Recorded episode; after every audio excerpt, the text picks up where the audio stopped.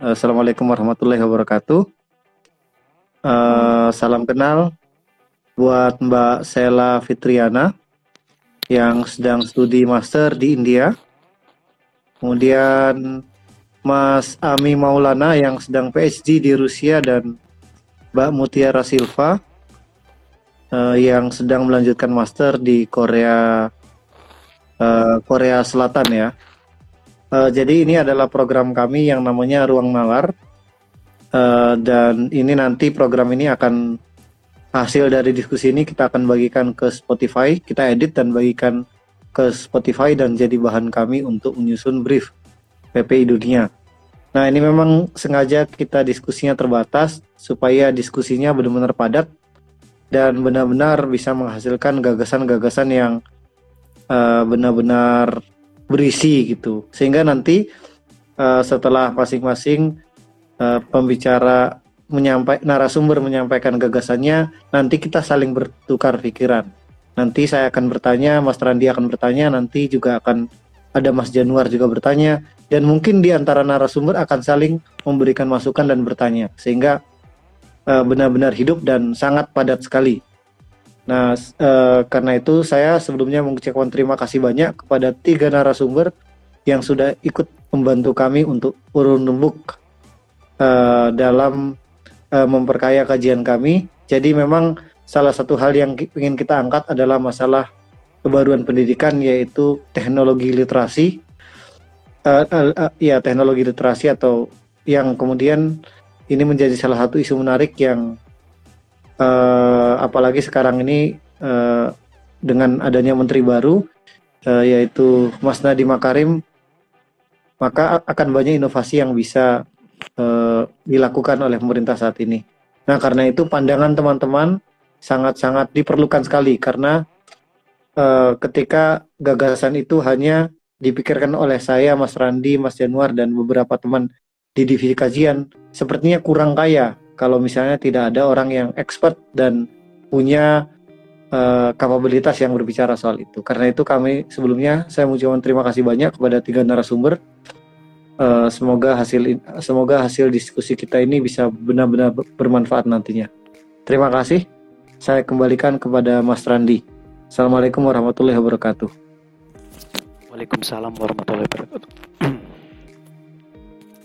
Oke, okay, uh, selanjutnya itu kami uh, kami uh, dan khususnya saya akan memberikan kesempatan kepada teman-teman untuk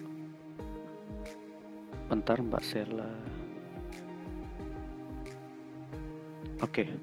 Uh, ya, Mbak Sila uh, izin buat salat maghrib. Jadi uh, Mbak Sela nanti uh, akan saya kasih izin untuk salat karena di India waktu salat maghribnya.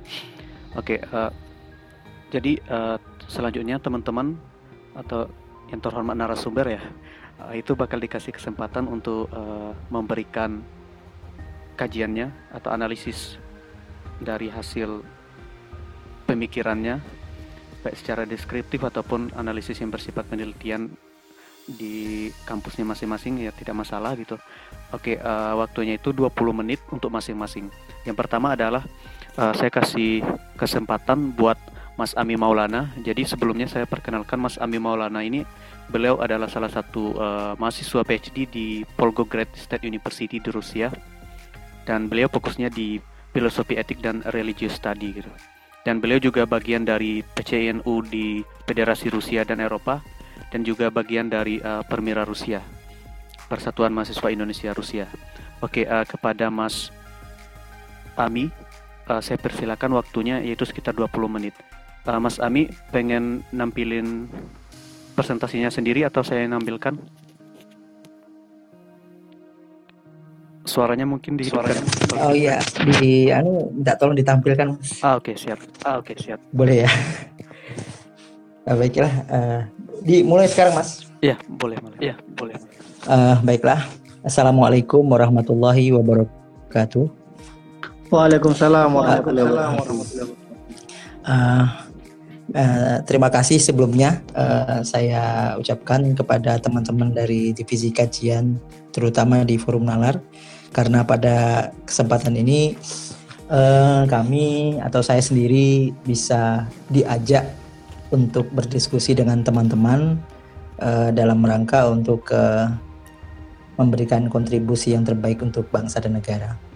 Uh, sebenarnya uh, ini yang baru ya, ba baru buat saya sebenarnya karena saya juga masih uh, ya belum lama, baru kira Oktober lalu baru menginjakkan kaki di Rusia ini, uh, sehingga saya uh, masih apa ya belajarlah untuk uh, uh, bersama dengan teman-teman yang lain, terutama dari uh, PPID untuk sama-sama apa namanya uh, berkontribusi untuk bangsa dan negara.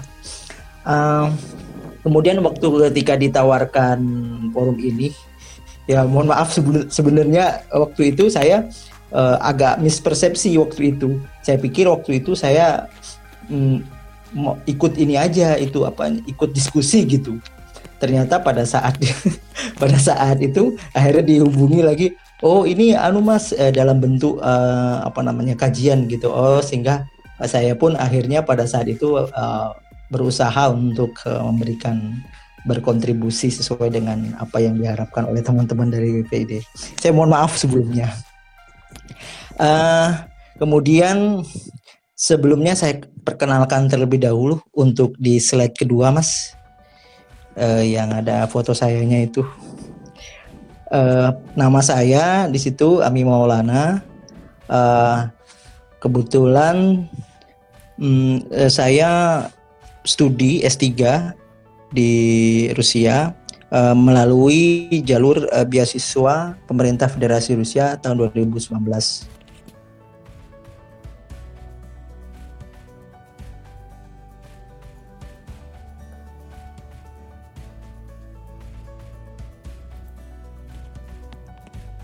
Halo. Halo, halo. Kok macet ya? Macet ya? Kayaknya kayaknya Mas Ami. Mas Ami macet ya? Dia macet.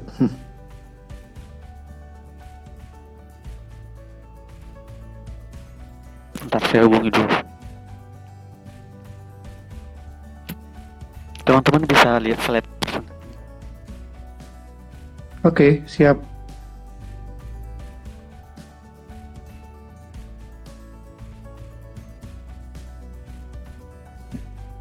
Sudah masuk lagi, Mas. Oke, oke. Sorry Oh, putus. oke. Putus Oke, lagi. oke, oke. Kenapa putus tadi? Iya, itu tadi ternyata kok katanya apa namanya jaringannya Oh, oke, oke. lemah. Monggo, Ya. monggo dilanjutkan. Oh, Ya. oke.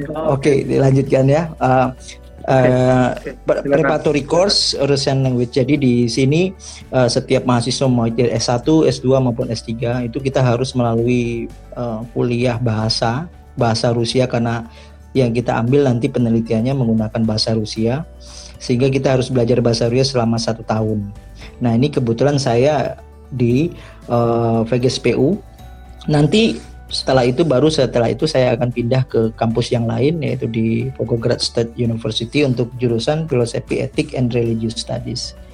Uh, ya ada hubungannya sih dengan tetap ada hubungannya dengan pendidikan tapi nantinya riset saya tidak ini tapi riset saya lebih ke arah sejarah dari ya, sejarah Islam di Rusia. Eh, kemudian aktivitas untuk eh, saat ini kebetulan eh, kami mendapatkan amanah menjadi ketua umum PCNU FRIU Federasi Rusia dan Eropa Utara. Kemudian di PPI Rusia kebetulan eh, kami ada di bidang eh, sosial agama. Untuk pengalaman ya eh, tenaga pengajar di Alialu International School Malang. Saya dari Malang, Mas. Kemudian pernah ya dosen dosen Fakultas Dakwah UIN Sunan Ampel. Tapi ya bukan PNS Eh, untuk alamat email seperti itu. Kemudian ke materi eh, pamfletnya mas apa namanya? Bisa ke judulnya mas? Judulnya ya. Eh, judulnya.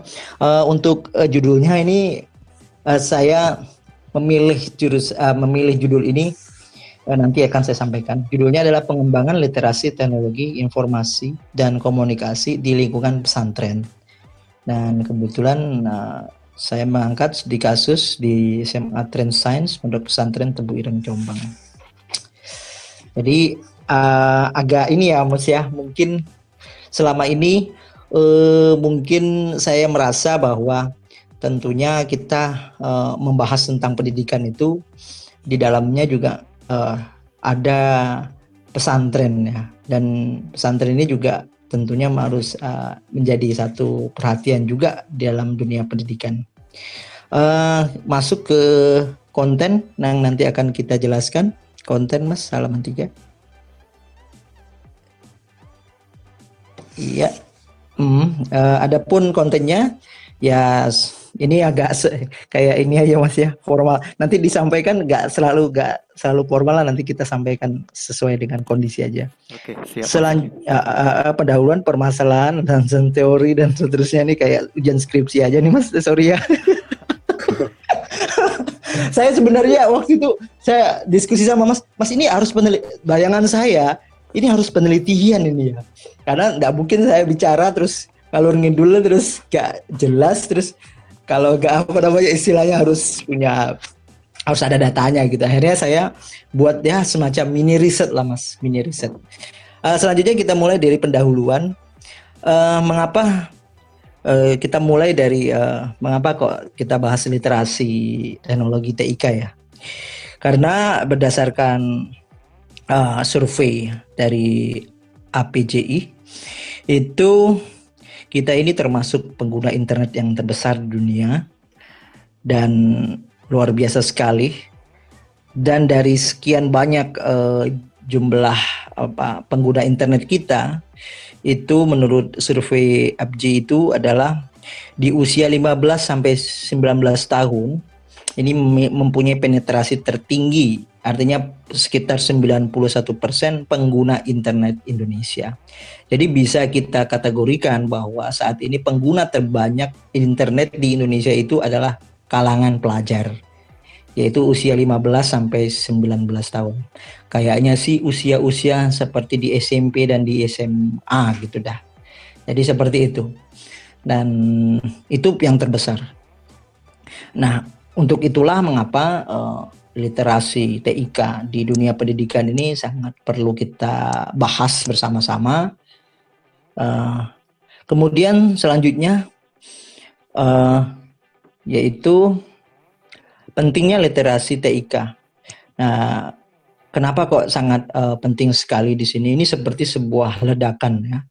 Kayaknya semua kalau udah hubungannya dengan internet ini kayaknya sudah sudah akrab sekali dengan internet. Maka eh, dengan adanya ledakan itu kita akan mengalami suatu uh, ya kita sebut ledakan. Ledakan itu muncrat semua apa aja keluar, Mas.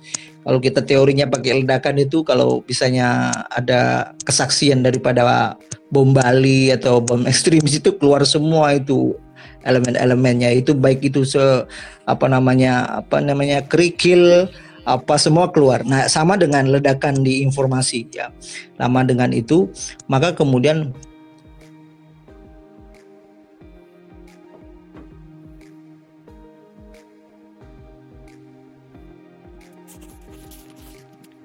Halo, sepertinya keputus lagi ya? Iya, keputus lagi itu. Loh, malah hilang ini. Hilang Mas Ami.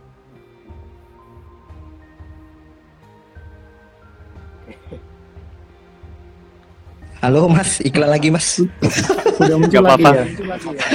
iklan terus ini banyak iklannya ini. Iya. Gak apa-apa, Mas. Gak apa-apa ya. Gak apa-apa kalau gitu terus ya, tapi apa ya. Tapi yang penting lancar lah. Eh, Nanti bisa sehingga, diedit nanti. Ah, ada apa ah. kemudian literasi TIK itu itu kan tidak hanya sekedar pemahaman saya bahwa literasi TIK itu tidak hanya belajar anak bisa bi- meng- eh, mengoperasikan teknologi tidak. Kalau saya mem- mem- berpikir bahwa literasi TIK itu adalah bagaimana pemanfaatan pemanfaatan daripada penggunaan teknologi yang ada di apa teknologi informasi dan komunikasi itu itu justru poin daripada pendidikan apa eh, TIK karena kalau cuma sekedar oh bisa bisa mengoperasikan eh, bisa menggunakan sosial media bisa buka ini buka ini uh, sekarang ya semua orang bisa, tapi pertanyaannya um, apa yang ingin kita didik daripada siswa itu adalah bagaimana cara menggunakan uh, media itu dengan sebaik-baiknya. Itu yang uh, saya dari uh, pemanfaat apa literasi manfaat daripada literasi TIK. Uh, selanjutnya masuk ke slide selanjutnya pesantren di era digital. Nah teman-teman semuanya uh, di di pendidikan Indonesia ini agak istimewa daripada dibandingkan dengan negara-negara lain ya. Nggak tahu ya saya saya belum pernah ke India, saya belum pernah ke Korea ya. Ya saya tahu ya cuma Rusia di pendidikan di Indonesia itu unik. Kenapa? Kalau di negara-negara yang lain, semua institusi pendidikan eh, biasanya dikelola oleh pemerintah. Kemudian kalau enggak gitu ya dikelola oleh private sector atau sektor swasta dan itu jumlahnya juga tidak banyak ataupun apa namanya tidak bisa seleluasa uh, seperti di Indonesia. Nah, istimewanya Indonesia ini sepertinya eh, sangat demokratis sekali ya memberi kesempatan kepada seluruh masyarakat Indonesia untuk belajar dan mendirikan lembaga pendidikan. Nah, termasuk salah satunya itu adalah pesantren. Pesantren ini agak unik sekali. Kenapa? Karena dia secara sistem ya, itulah secara sejarahnya ini sudah ada sebelum ya sudah sudah ada di Nusantara ini sudah ada gitu. Sebelum ada sekolah, sudah ada SMP, universitas, mereka sudah ada duluan. Nah, sehingga kemudian ini secara kultural terus dijaga, kemudian sampai hari ini mereka semuanya apa ada di sini. Dan jumlahnya di sini saya data dari Kementerian Agama jumlahnya sekitar du, sekarang ini ya itu 27.218 pesantren dan dengan jumlah santri yang ya banyak sekali ya tiga juta enam ratus empat puluh dua tujuh ratus tiga puluh delapan. Ini kalau yang terdata mas ya terdata terdata itu yang karena sepengetahuan saya ada pesantren yang belum terdata oleh Kementerian Agama. Dan ini jumlahnya juga banyak. Jadi di luar itu sangat banyak sekali. Nah ketika berbicara tentang pendidikan maka ini juga tentunya harapan kita juga mendapatkan perhatian. Nah di Indonesia ini kebijakan pemerintah di pesan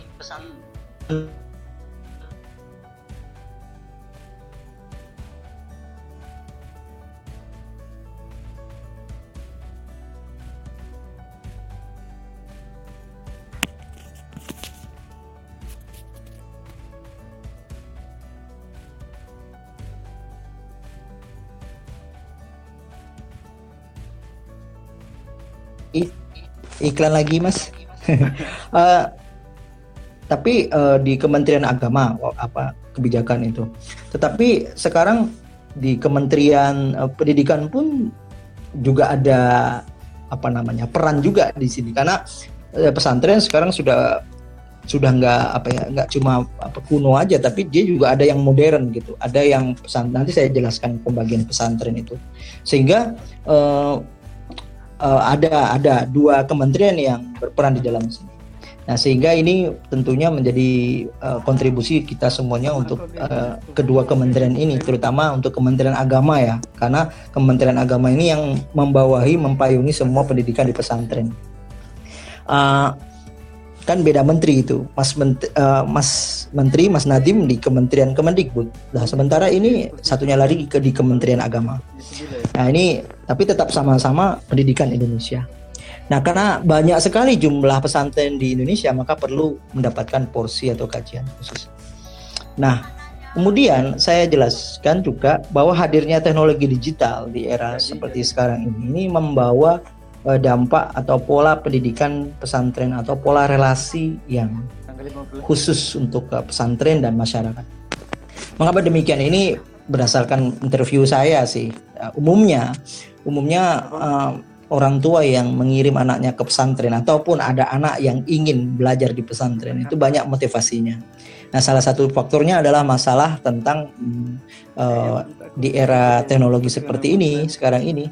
Jadi banyak juga orang tua yang merasa resah dengan berbagai apa perkembangan teknologi TIK ini yang membuat anak-anaknya menjadi apa ya istilahnya uh, lupa waktu dalam menggunakan media sosial atau apa dan mungkin tidak fokus terhadap belajarnya atau bagaimana sehingga beberapa atau tidak uh, tidak sedikit daripada mereka uh, berpikir ah mungkin di, di pesantren aja lah gitu supaya lebih aman. Nah menariknya saya di sini mengapa mengangkat pesantren juga karena di pesantren itu nggak sama seperti di SMA pada umumnya. Mungkin ada di sini Mas Mbak yang juga pernah pesantren ya mungkin ya. Saya tidak tahu. Kalau saya sejarah pribadi karena memang saya dulu uh, dari pesantren. Jadi saya paham. Sampai detik ini itu ya beda dengan SMA. Umumnya para santri tidak boleh membawa gadget, tidak boleh membawa HP di sekolah apa pun di pesantren gitu ya. Ada sih yang boleh, tapi sedikit gitu.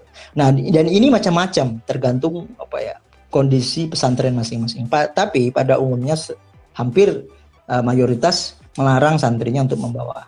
Nah, nah inilah yang membuat uh, saya tertarik untuk mengangkat ini. Bagaimana di pesantren dengan kondisi yang seperti itu? Kemudian uh, literasi teknologinya seperti apa? Santri-santri ya.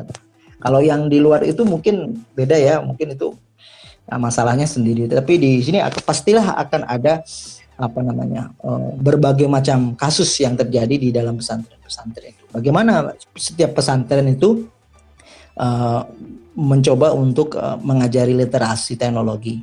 Dan ini inilah mengapa uh, saya tertarik untuk uh, mengangkatnya. Nah di pesantren ini perlu saya sampaikan terlebih dahulu ada tiga tipe. Ada yang pertama itu namanya pesantren salafi. Pesantren salafi itu pesantren yang masih uh, sifatnya sangat tradisional. Mereka hanya mempelajari agama saja. Uh, mereka tidak belajar di institusi misalnya ada SMP, ada SMA, ada sanawiyah atau aliyah itu uh, mereka enggak cukup hanya di pesantren saja, mereka belajar kitab klasik begitu. Itu pesantren salafi. Kemudian ada lagi namanya pesantren apa khalafi itu pesantren modern.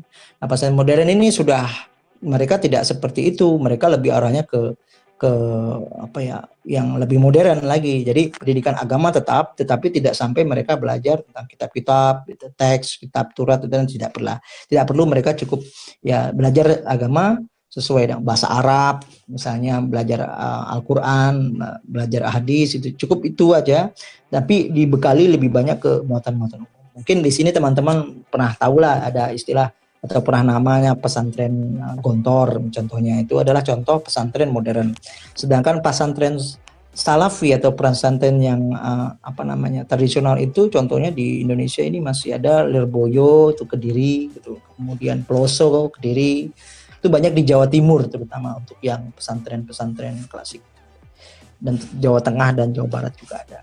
Nah, ini uh, saya uh, Kemudian pertanyaan penelitiannya atau fokusnya, entah kemudian bagaimana uh, pengembangan pes, literasi teknologi di lingkungan pesantren. Nah, saya memilih uh, pesantren uh, Tebu Ireng Jombang. Kenapa kok saya memilih pesantren Tebu Ireng Jombang ini? Karena uh, apa namanya? Saya pertama uh, dulu juga dari sana, uh, dulu lulusan pesantren Jombang juga, tetapi saya melihat ada banyak perubahan dari zaman saya ketika saya sekolah dengan yang ada sekarang. Dan perubahan itu sangat ya, uh, saya nilai sangat positif dan perlu kita, uh, di, diangkat ke permukaan untuk sebagai referensi untuk terutama di dalam pengembangan uh, pengembangan literasi ya literasi teknologi. Nah jadi uh, lebih ke situ bagaimanakah pengembangan literasi Nah, harapannya dengan adanya studi ini, maka kita bisa memberikan kontribusi untuk di pesantren bagaimanakah oh, konsep uh, pengembangan literasi yang sesuai dengan karakteristik pesantren. Mengapa kok saya garis bawahi sesuai dengan karakteristik pesantren? Karena uh, menurut saya ya pesantren itu punya memiliki karakter sendiri tidak sama seperti sekolah-sekolah pada umumnya. Nanti kita akan masuk ke teorinya itu. Dan selanjutnya ke landasan teori uh, ada beberapa penelitian-penelitian uh, tentang ini udah banyak sih sebenarnya. Salah satunya ada di uh, pesantren Fadlul Minallah Yogyakarta menggunakan pendekatan Seven Pilar yeah. oleh Ahmad Triasfarid Twin uh, Suka uh, Jogja. Nah hasilnya sih mereka menilai hanya itu uh, mereka menilai dengan menggunakan uh, Seven Pillar itu mengkategorikan bahwa mereka santri ini uh, kemampuan literasinya uh, dikategorikan baik, tidak sangat baik, tidak tidak amat baik atau tidak kurang juga, tapi penilaiannya baik. Jadi tidak sampai kurang, tidak sampai memprihatinkan, tetapi mereka menilai baik. Nah ini beberapa teori yang sudah apa penelitian yang sudah dilakukan. Kemudian masuk ke teori tentang literasi teknologi dan informasi. Nah untuk uh, literasi ini untuk teori ini banyak sekali uh, kita baca-baca di internet maupun di jurnal-jurnal yang hubungannya tentang literasi teknologi ini hubungannya pasti lekat dengan info, uh, literasi TIK ini hubungannya dengan literasi informasi, literasi komputer, literasi digital, dan literasi internet. Dan ini uh, tentunya memiliki karakter masing-masing. Tapi secara umum itu istilah yang mm, sama untuk semuanya yaitu literasi TIK. Dan yang paling penting di sini adalah di literasi informasi. Mengapa poin paling penting kenapa demikian? Karena oh, di dalam literasi TIK ini adalah nanti kita ingin melihat kemampuan seseorang itu dari segi mulai dari dia merasa butuh terhadap informasi, bagaimana mereka mencari informasi, kemudian memanfaatkan informasi dengan penuh rasa tanggung jawab secara etis seperti apa dan uh, menyimpan, menyampaikan informasi. Ini yang uh, tentunya menjadi uh, uh, apa namanya indikator-indikator uh, daripada uh, pengembangan literasi.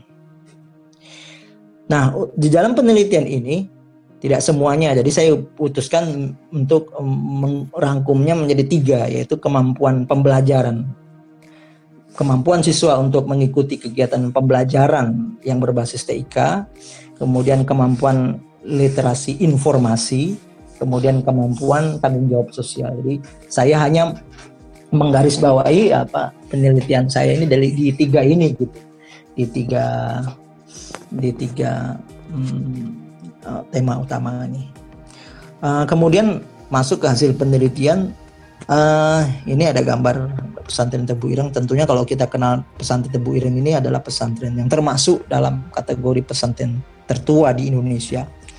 Ya kenapa demikian? Karena uh, pendirinya adalah Kiai Haji Hashim Asy'ari ini adalah pendiri dari NU, organisasi sosial kemasyarakatan besar agama kemasyarakatan terbesar di Indonesia, berdiri 1926 dan ini sudah berdiri sudah lama.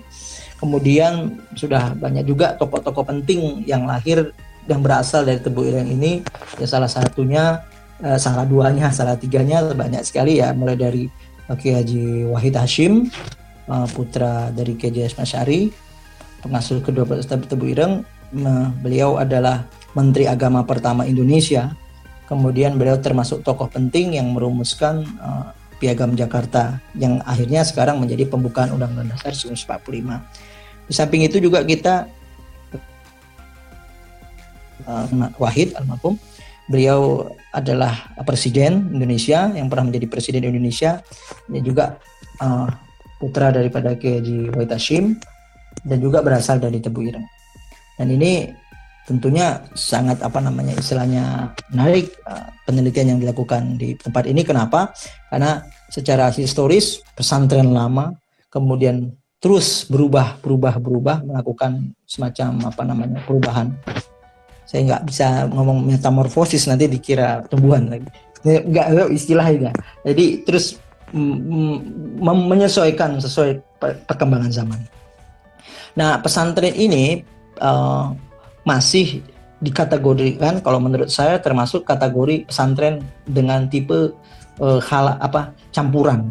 Jadi uh, modern ada, kemudian uh, salafi ada. Jadi sekarang uh, kenapa kok demikian? Karena pesantren ini modern. Dia uh, pesantren ini sudah ada organi apa sudah ada sekolah-sekolah uh, unit-unit pendidikan umum ya SMP SMA SMK pun ada gitu selain ada pendidikan SMA sanawiyah aliyah kemudian uh, apa namanya perguruan tinggi juga ada nah kemudian yang tapi kenapa kok campuran? Uh, di pesantren ini juga masih menggunakan tradisi lama pesantren lama yaitu menggunakan sistem pengajaran. Metode sorogan itu sorogan istilah kita itu metode yaitu dengan cara datang apa santri membaca sendiri materi kitab terutama ini kita kitab klasik ya.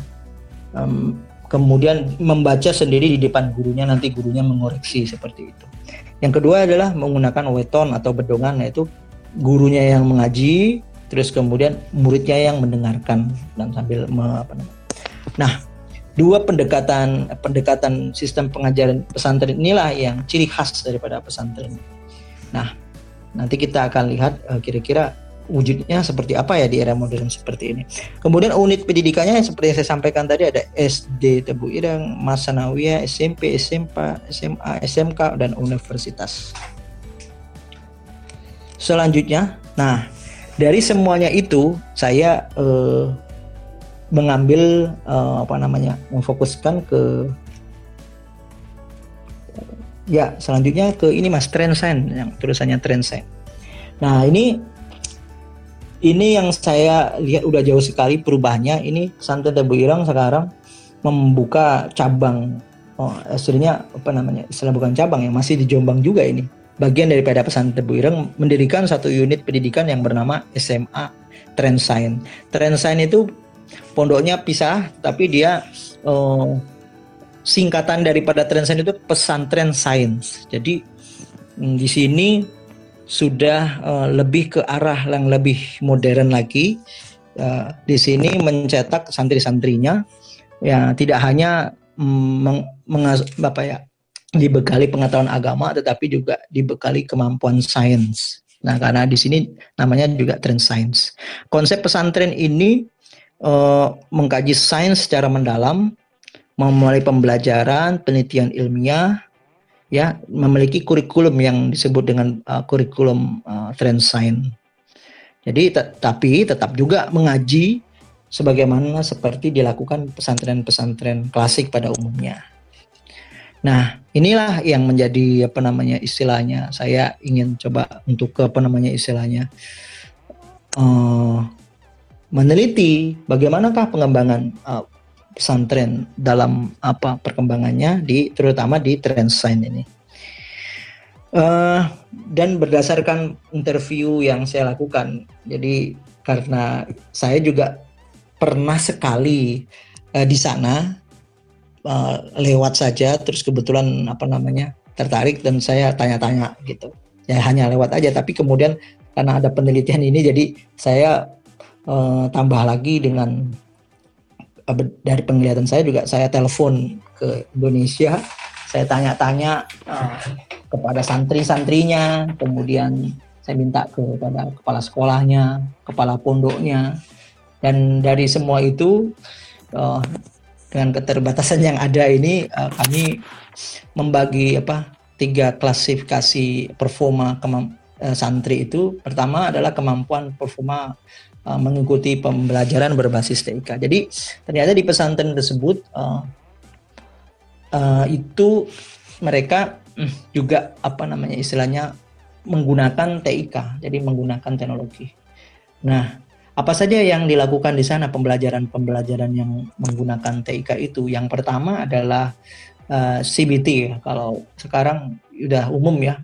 Anak-anak sekarang kalau tes ya CBT UN juga kan CBT gitu. Jadi uh, komputer based test. Jadi uh, mengerjakan ujian menggunakan komputer. Nah, di pesantren ini tidak hanya UN aja yang menggunakan CBT, tapi semua pelajaran, UH dan juga ujian pengambil pengambilan nilaian akhir semester juga mereka semuanya menggunakan CBT. Jadi um, santri dan termasuk siswa di sini ya harus bisa mengikuti dan berdasarkan uh, apa namanya wawancara kami mereka bisa mengikuti uh, apa namanya sistem ini dan merasa bahwa sistem ini sangat penting sekali karena uh, banyak juga nanti di kemudian hari akan menggunakan sistem yang sama. Kemudian yang kedua adalah pembelajaran berbasis TIK yang seperti yang saya sampaikan ujiannya pakai uh, TIK. Kemudian nanti misalnya kalau misalnya gurunya lagi menjelaskan materi IPA atau sains uh, membutuhkan apa namanya istilahnya media internet atau sebagaimana nanti menggunakan ruang CBT ya ada dua ruang CBT ya di sana yang jumlahnya satu ruangan itu 40 jadi santrinya bisa langsung belajar di ruang CBT tersebut sambil kemudian mm, mencari data-data yang diperlukan. Kemudian di pesantren tersebut juga ada kegiatan research atau program riset KTI atau karya tulis ilmiah. Uh, itu juga diajari bagaimana uh, apa namanya menulis apa mencari jurnal-jurnal internasional melalui internet. Kemudian mereka juga dibuat kelompok-kelompok kecil dituntut untuk membuat suatu apa namanya uh, penelitian gitu ya berbasis sains dan di sana ada komunitasnya dan banyak juga yang ikut dan di antara mereka juga ada yang diikutkan mengikuti lomba di luar. Jadi ini kegiatan internal aja, tapi ada juga yang bagus dan diikuti uh, diikutkan lomba di luar. Kemudian ada juga program ekstra uh, student journalism. Jadi ada semacam media namanya uh, kanal YouTube uh, Trends Channel Nah itu semua dikelola oleh santri. Nah mereka itu uh, syuting-syuting sendiri, editing-editing sendiri, upload sendiri. Namun mereka menggunakan fasilitas yang disediakan oleh uh, pesantren. Dan kemudian ada beberapa kegiatan-kegiatan yang lain yang menunjang ya, menunjang kegiatan pembelajaran berbasis TIK. Itu di antaranya ada setiap satu semester sekali ada stadium general, jadi seperti di kampus-kampus di awal semester tahun ajaran itu mereka mengundang uh, expert-expert dari apa namanya dari luar pesantren untuk menyampaikan materi. Kemudian ada program book upgrading. Book upgrading ini uh, jadi setiap santri wajib membaca satu buku atau satu artikel atau apa gitu. Kemudian dalam satu minggu mereka harus baca, harus menu, uh, meresum. Jadi apa yang dia baca itu harus diresum, uh, baik itu dalam bentuk tulisan ataupun ketikan. Dan itu wajib dikumpulkan kepada penanggung jawab. Jadi ini termasuk program pesantren. Jadi bukan program sekolah, jadi program pesantren.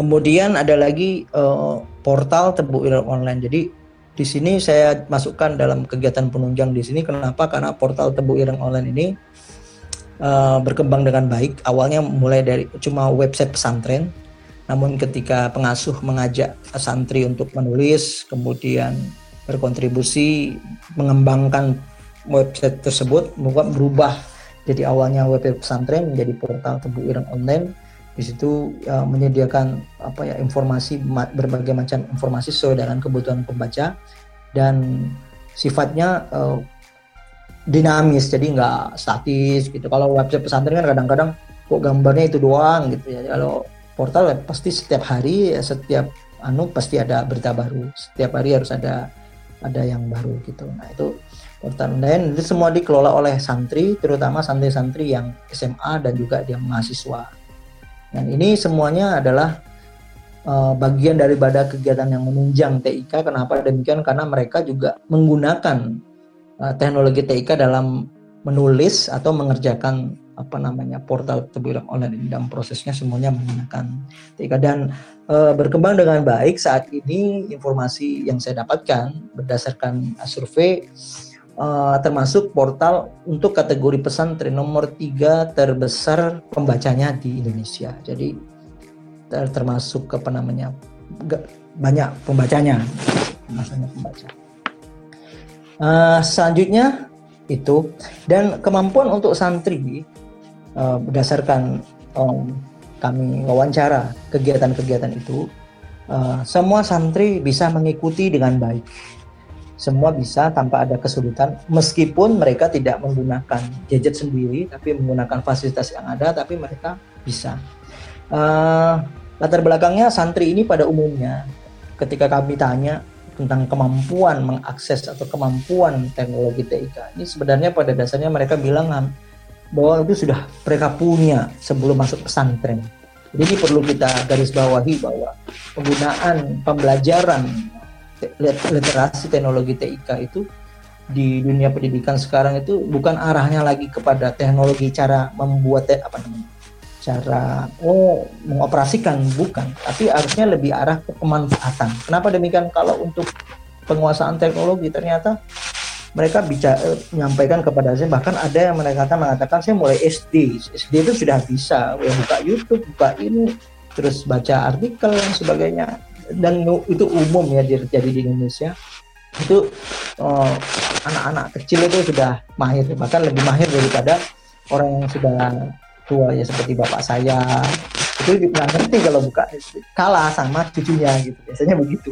Jadi cucunya udah mahir uh, mbahnya atau yang kakungnya masih nggak ngerti apa apa jadi jadi untuk untuk untuk arah ke atasnya pendidikan ke atas semakin ke atas itu lebih ke arah ke pemanfaatan teknologinya jadi sehingga proyek di situ nah itu kemampuan nah mereka semua sudah bisa berangkat ke pesantren tidak membawa HP tidak boleh. Namun santri ini boleh membawa notebook.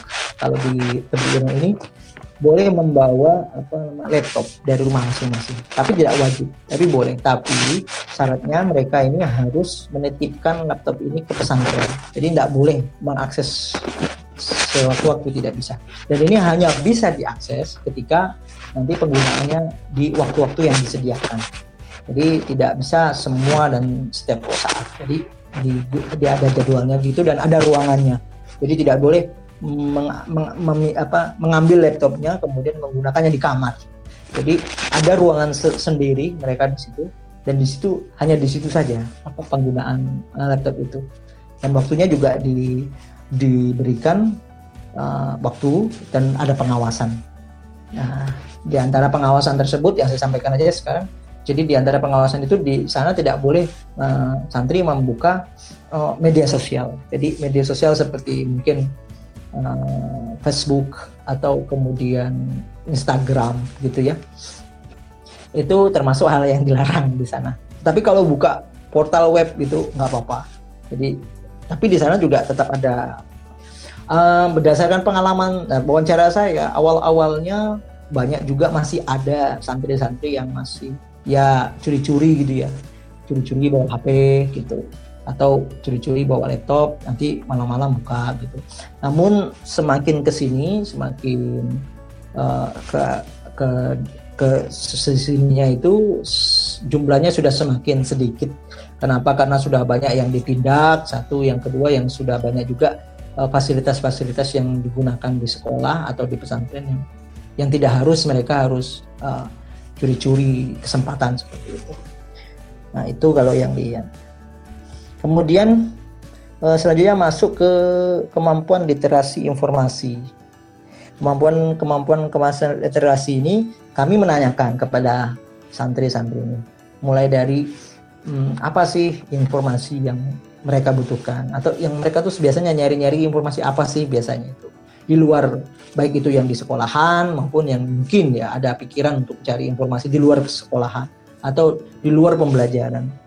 Nah, informasi apa saja yang pertama? Kami juga meneliti dan menanyakan kira eh, eh, kira-kira bagaimana mereka untuk memenuhi hasrat mereka untuk mencari informasi tersebut di tengah-tengah uh, kondisi uh, peraturan pesantren yang ada gitu. Kemudian kami juga menanyakan bagaimana mereka memanfaatkan teknologi, memanfaatkan informasi yang apa namanya uh, itu untuk uh, pembelajaran atau untuk apa? Itu. Nah dari hasil penelitian kami uh, kebanyakan daripada mereka itu bisa disampaikan di situ interestnya itu ada ya macam-macam. Ya yang paling banyak ya kalau untuk laki-laki biasanya sport ya gitu ya. Makanya kalau ada kesempatan mereka kalau di lab, lab udah di lab CBT itu kalau sudah selesai pembelajaran atau masih ada waktu biasanya mereka buka-buka berita-berita olahraga gitu ya. Kemudian yang kedua mereka juga banyak yang tertarik apa yang ada di, di Jakarta. Kemudian uh, juga senang sekali juga mengikuti katanya ini berita-berita kriminal gitu ya ya karena karena mereka sangat tertarik kenapa demikian karena katanya kalau saya tanya uh, mereka biasanya ada koran tuh ya uh, yang paling banyak itu yang baca di spot seperti itu karena mereka senang seperti pengungkapan misteri-misteri apa nama misteri-misteri kejahatan itu senang sekali katanya mereka dan kisah mereka juga suka kisah inspiratif. Nah itu selain daripada yang dibutuhkan dalam pelajaran. Tentunya kalau di pelajaran ya sesuai dengan konten yang dibutuhkan atau dituntut untuk mereka. Nah, yang ke selanjutnya itu bagaimana mereka untuk memenuhi hasrat untuk uh, mencari informasi tersebut. Nah, di pesantren ini selain uh, mereka bawa netbook yang disimpan, kemudian boleh dipinjam di ruangan khusus atau di waktu-waktu itu. Di pesantren itu juga disediakan uh, versi cetaknya. Jadi jadi ada apa namanya? Ada corner gitu, ada fasilitas reading corner. Reading corner itu ada di pesantren itu kayak ada pajangan gitu. Nah, korannya itu ditempel di situ. Nah, korannya ini koran Jawa Pos. Kalau di Jawa Timur mah Papua aja Jawa Pos. Jadi ditempel di situ tapi tidak semua halaman ditempel yang hubungannya dengan yang kayak apa namanya dunia hiburan dan sebagainya enggak ya dianggap tidak penting tidak ditempel gitu ya artis dan sebagainya itu kayaknya enggak tapi apa yang hubungannya dengan yang lain itu ditempel nah di situlah mereka biasanya setiap hari di sela-sela waktu pesantren itu baca nah selain daripada itu mereka buka di uh, lab CBTV gitu kemudian uh, penggunaan tadi sudah. Mereka juga butuh itu. Mereka kadang-kadang ada waktu khusus untuk mereka kasih kalau uh, mau cari-cari informasi. Mereka butuh sekali informasi tentang kuliah. Jadi uh, alumni dari pesantren Trensain ini ini sudah jalan yang ketiga tahun apa empat tahunnya ya. Nah di sini udah uh, lulusannya itu sudah banyak sekali gitu ya yang masuk ke perguruan eh, tinggi negeri untuk jurusan jurusan umum gitu. Jadi ini agak berbeda. Jadi hampir semuanya di sini pesantren eh, santrinya yang lulus di pesantren ini masuk ke jurusan-jurusan umum. Ini saya sedikit kalkulasikan nih contohnya untuk tahun yang ini contohnya tahun 2019 ini yang masuk jalur SNPTN 6 orang, kemudian eh, pendidikan apa namanya teknik apa ke pendidikan apa namanya kayak uh, stan dan sebagainya itu tiga orang kemudian melalui jalur yang lain sisanya dan mandiri. Dan ini ya ada yang mas yang paling banyak ini masuk di ITS Surabaya kemudian UNESA Surabaya UM Malang kemudian ITB ITB ya sedikit ada yang masuk UI juga gitu kemudian uh, Politeknik Kemudian ada yang ke ini juga beberapa ada yang ke luar negeri ke Turki. Eh, kemudian ada di swasta, pendidikan swasta. Sisanya juga di UIN. Nah, sekarang UIN itu kan sudah ada jurusan umumnya gitu. Ada kedokteran, ada MIPA dan sebagainya. Nah, mereka masuk ke jurusan itu. Ada memang eh, di sini sepertinya hmm, sennya santri ingin masuk uh, ke jurusan umum bukan jurusan agama. Mungkin kalau di unit pendidikan yang lain mayoritas masuk ke pendidikan agama, tapi ini masuk ke jurusan umum. Nah itu kalau untuk. Nah selanjutnya, uh, nah di sini ketika kami menanyakan kemampuan performa santri ini untuk uh, di literasi itu kan ada kemampuan untuk menilai sebuah informasi itu apakah uh, ini informasi valid atau tidak valid gitu ya. Nah di sini santri mengalami masalah di sini. Kenapa? Karena uh, umumnya santri merasa bahwa belum belum percaya diri bisa menilai bahwa berita ini termasuk berita yang valid atau hoax dan sebagaimana. Namun mereka paling tidak mengerti sedikit yaitu mereka menyampaikan kepada kami e, kalau berita-berita yang keluar dari kementerian keluar dari situs-situs website website resmi itu pasti benar. Tapi kalau di luar daripada daripada itu ya belum tentu. Jadi, jadi ini juga salah satu evaluasi untuk ke apa nama penelitian ini, terutama untuk pendidikan itu kemampuan umumnya ya untuk menganalisis sebuah berita ini hoax atau tidak ini tentunya harus mendapatkan apa porsi atau perhatian ke depannya gitu ya. Karena agak sulit. Yang gitu kadang-kadang juga uh, saya sendiri juga kadang-kadang masih ini ini bener gak ini sih? Nah, kadang-kadang kan begitu mas. Ini di Indonesia apalagi kan sekarang kan aduh apa ya perang ya perang media lah. Kalau itu dipakai politik itu sudah sudah umum lah. Apalagi pilpres kemarin aduh sama-sama ininya ya. Jadi media betul-betul apa namanya uh, uh, apa ya banyak informasi yang perlu dievaluasi. Uh, kemudian pemanfaatannya. Uh, informasi yang mereka dapat ini untuk apa sih mereka gunakan ini? Uh, mereka biasanya tanya untuk ya tambah wawasan. Yang kedua mereka biasanya tuh yang ini ya untuk ini referensi misalnya untuk nulis atau penelitian atau nulis di tebu ireng online gitu. Atau mereka juga eh, ada program pidato gitu mereka buat untuk materi pidato. Atau yang paling sederhana itu biasanya mereka buat diskusi gitu diskusi di kamar atau ngobrol dengan teman. Tahu nggak itu informasi begini begini, biasanya begitu informasi yang uh, mereka gunakan. Nah di di samping itu oh ada kegiatan-kegiatan yang uh, mereka juga lakukan di pesantren itu ya tetap ngaji ya ada program ngajinya setiap malam itu ngaji kitab. Dan itu uh, untuk pesantren sendiri. Saya sekarang kan begini kalau di pesantren ini kan sudah mulai modern ya ada ada ada banyak materi-materi pembelajaran pesantren yang sudah menggunakan PDF atau pembelajaran itu. Jadi sekarang kitab-kitab klasik itu juga banyak yang sudah dicetak dalam versi terjemahan dan juga dicetak dalam versi apa namanya istilahnya PDF-nya gitulah istilahnya sehingga mudah untuk diakses. Nah, tetapi di dalam lingkungan pesantren seperti Tepiren dan namanya itu uh, lebih ke uh, tidak menggunakan itu, tapi lebih arah ke lebih ke cetak gitu. Mengapa demikian? Karena menurut uh, santri dan juga guru yang kami wawancarai penggunaan teknologi seperti itu memang memudahkan untuk apa namanya sebagai referensi tapi di dalam dunia pendidikan kurang mendidik mereka lebih condong tatap muka harus tatap muka jadi santri dan ini lebih kar nah ini tentunya agak beda ya dengan sistem pengembangan literasi ke depannya ya karena ke depannya itu kan lebih banyak seperti tidak tatap muka atau menggunakan yang tidak langsung begitu tapi di pesantren ini masih ingin uh, apa namanya Eh, langsung kita ketemu. Ya, mungkin ini perbedaan sedikit lah mungkin. Uh, kemudian selanjutnya untuk kemampuan untuk tanggung jawab sosial.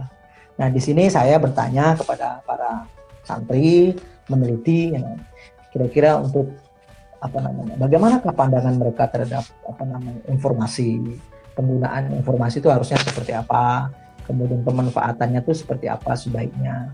Kemudian saya juga apa namanya mencoba untuk apa bertanya kepada mereka kira-kira apa sih yang sisi positif dan sisi negatif daripada penggunaan media dan bagaimana menempatkan diri. Nah, dari, dari sini saya lihat uh, teman apa santri-santri yang masuk ke pesantren sini yang saya teliti ini ini pada dasarnya mereka semuanya uh, merasa sebenarnya bahwa uh, kurang gitu ya kurang mereka berharap fasilitas-fasilitas terutama yang bisa membuka kesempatan mereka keluar itu dibuka dengan seluas-luasnya. Tapi mereka juga memahami, bisa memahami bahwa inilah konsekuensi mereka belajar di pesantren, dan tidak bisa se -se sebebas-bebasnya untuk bisa mengakses. Mereka harus di, diatur, jadi diatur penggunaannya, diatur waktunya, dan itu mereka bisa memahami itu. Nah, sehingga ketika mengikuti kegiatan pembelajaran ini mereka tidak ada ataupun ya sedikit lah di antara mereka yang masih apa namanya itu sudah berkurang yang masih melanggar gitu ya. Yang karena mereka sudah memahami penggunaan media bagaimana gitu. nah kemudian ketika kayak bertanya mengapa itu harus seperti itu? Karena mereka merasa bahwa memang tidak sepenuhnya uh, penggunaan internet itu positif gitu. Jadi ada juga yang ke negatifnya. Yang salah satu salah satu yang mereka sering sampaikan itu adalah uh, ketika mereka bebas menggunakan uh, internet untuk media sosial itu biasanya ya lebih ke arah nantinya ke ini ke pacaran gitu lah. Yang kadang-kadang pesantren kan ini apa namanya dipisah antara laki-laki dan perempuan gitu. Jadi sehingga uh, penggunaannya jadi bisa seperti itu. Nah ini ya menurut mereka akses buruk daripada internet sehingga Eh, mengganggu mereka yang sedang apa, ya, menempuh pendidikan di pesantren. Karena di pesantren kan uh, core utamanya adalah tetap eh, nilai-nilai uh, agama yang diajarkan. Itu jadi uh, apa namanya kesimpulan daripada penelitian yang saya sampaikan di sini adalah bahwa pengembangan literasi di pesantren ini ya di terutama di di bidang ini yang di Trensen ini yaitu sudah berkembang dengan baik.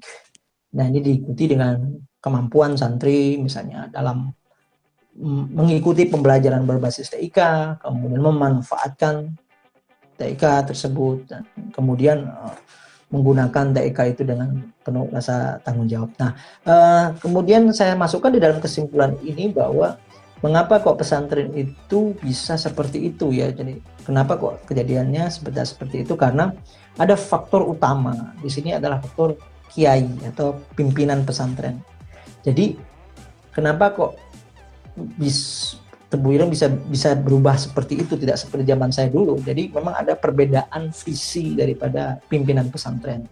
Apa pesantren kita yang Tebu Ireng sekarang ini dipimpin oleh uh, Gus Solah uh, Dr. honoris causa insinyur Gus Solah lulusan ITB beliau adalah uh, putra dari apa KJ Wahid Hashim adiknya Gus Dur. Jadi beliau ada adiknya Gus Dur nah ketika menjabat sebagai pimpinan, dipercayakan menjadi pimpinan pesantren, ini banyak sekali melakukan perubahan. Jadi melakukan perubahan pola pendidikan yang ada di pesantren. Nah, salah satunya itu adalah uh, mendirikan pesantren sains ini gitu sebagai bagian daripada beliau. Jadi uh, karena beliau ini uh, sangat suka menulis, sangat suka membaca dan juga backgroundnya dari umum gitu ya, sehingga eh, banyak juga mendorong sekarang eh, para santri juga para guru semuanya untuk melek terhadap sains gitu sehingga bisa memberikan kontribusi ya santri itu bisa memberikan kontribusi uh, lebih luas. Jadi tidak hanya di agama saja tetapi mereka bisa memberikan kontribusi di segala bidang dengan bekal keagamaan uh, yang mereka miliki di pesantren nah ini uh, ini banyak apa sangat mendukung sekali terhadap kegiatan-kegiatan dan semua program-program yang dilakukan di pesantren sains ini adalah desain dari uh, Gus Solah sendiri sebagai pimpinan pesantren. Nah, di sinilah yang menjadi kajian menarik untuk di seterusnya ya bahwa ternyata di pesantren ini nanti kembali lagi ke selain pendidikan itu sendiri sistem pendidikan itu ya ada misalnya kayak di Indonesia ini kan mereka juga ikut SMP, SMA, ikut kurikulum nasional, gitu kan, ikut semuanya. Tapi di samping itu mereka juga dipengaruhi lebih banyak kepada pimpinan. Jadi ya, pimpinan pesantren itu sendiri, visi daripada kepemimpinan pesantren itu sendiri. Nah di sinilah nantinya kemudian oh, perlu menurut kami pemerintah untuk melibatkan pimpinan-pimpinan pesantren memberikan semacam berdiskusi, menyamakan visi. Bagaimanakah pesantren di era modern itu, di era digital itu? Tetap bisa mengikuti perkembangan zaman tanpa harus uh, apa namanya merusak ataupun tetap memelihara tradisi-tradisi klasik pesantren. Nah, ini yang menarik untuk terus dikaji, terus bagaimana caranya menemukan formulasi itu.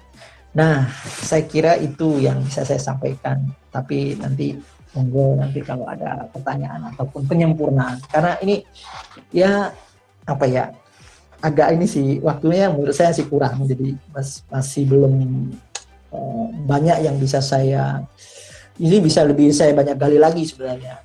Tapi paling tidak menurut saya salah satu masukan saya untuk uh, pemerintah ini adalah untuk dunia pesantren ya tentunya harus ada pendekatan-pendekatan khusus yang tidak sama seperti termasuk oleh Menteri Mas Nadiem. Dari okay. saya sementara itu Mas lebih lebih 20 menit ya? Iya udah lebih mas, mohon maaf nih saya mau motong tapi juga. Wah iya iya iya, iya sorry, gak, itu gak diingetin, gak diingetin sih jadi ya. Udah saya chat sih mas. Oke oke oke. Iya iya iya, sudah sudah sudah. Oke oke, makasih banyak mas.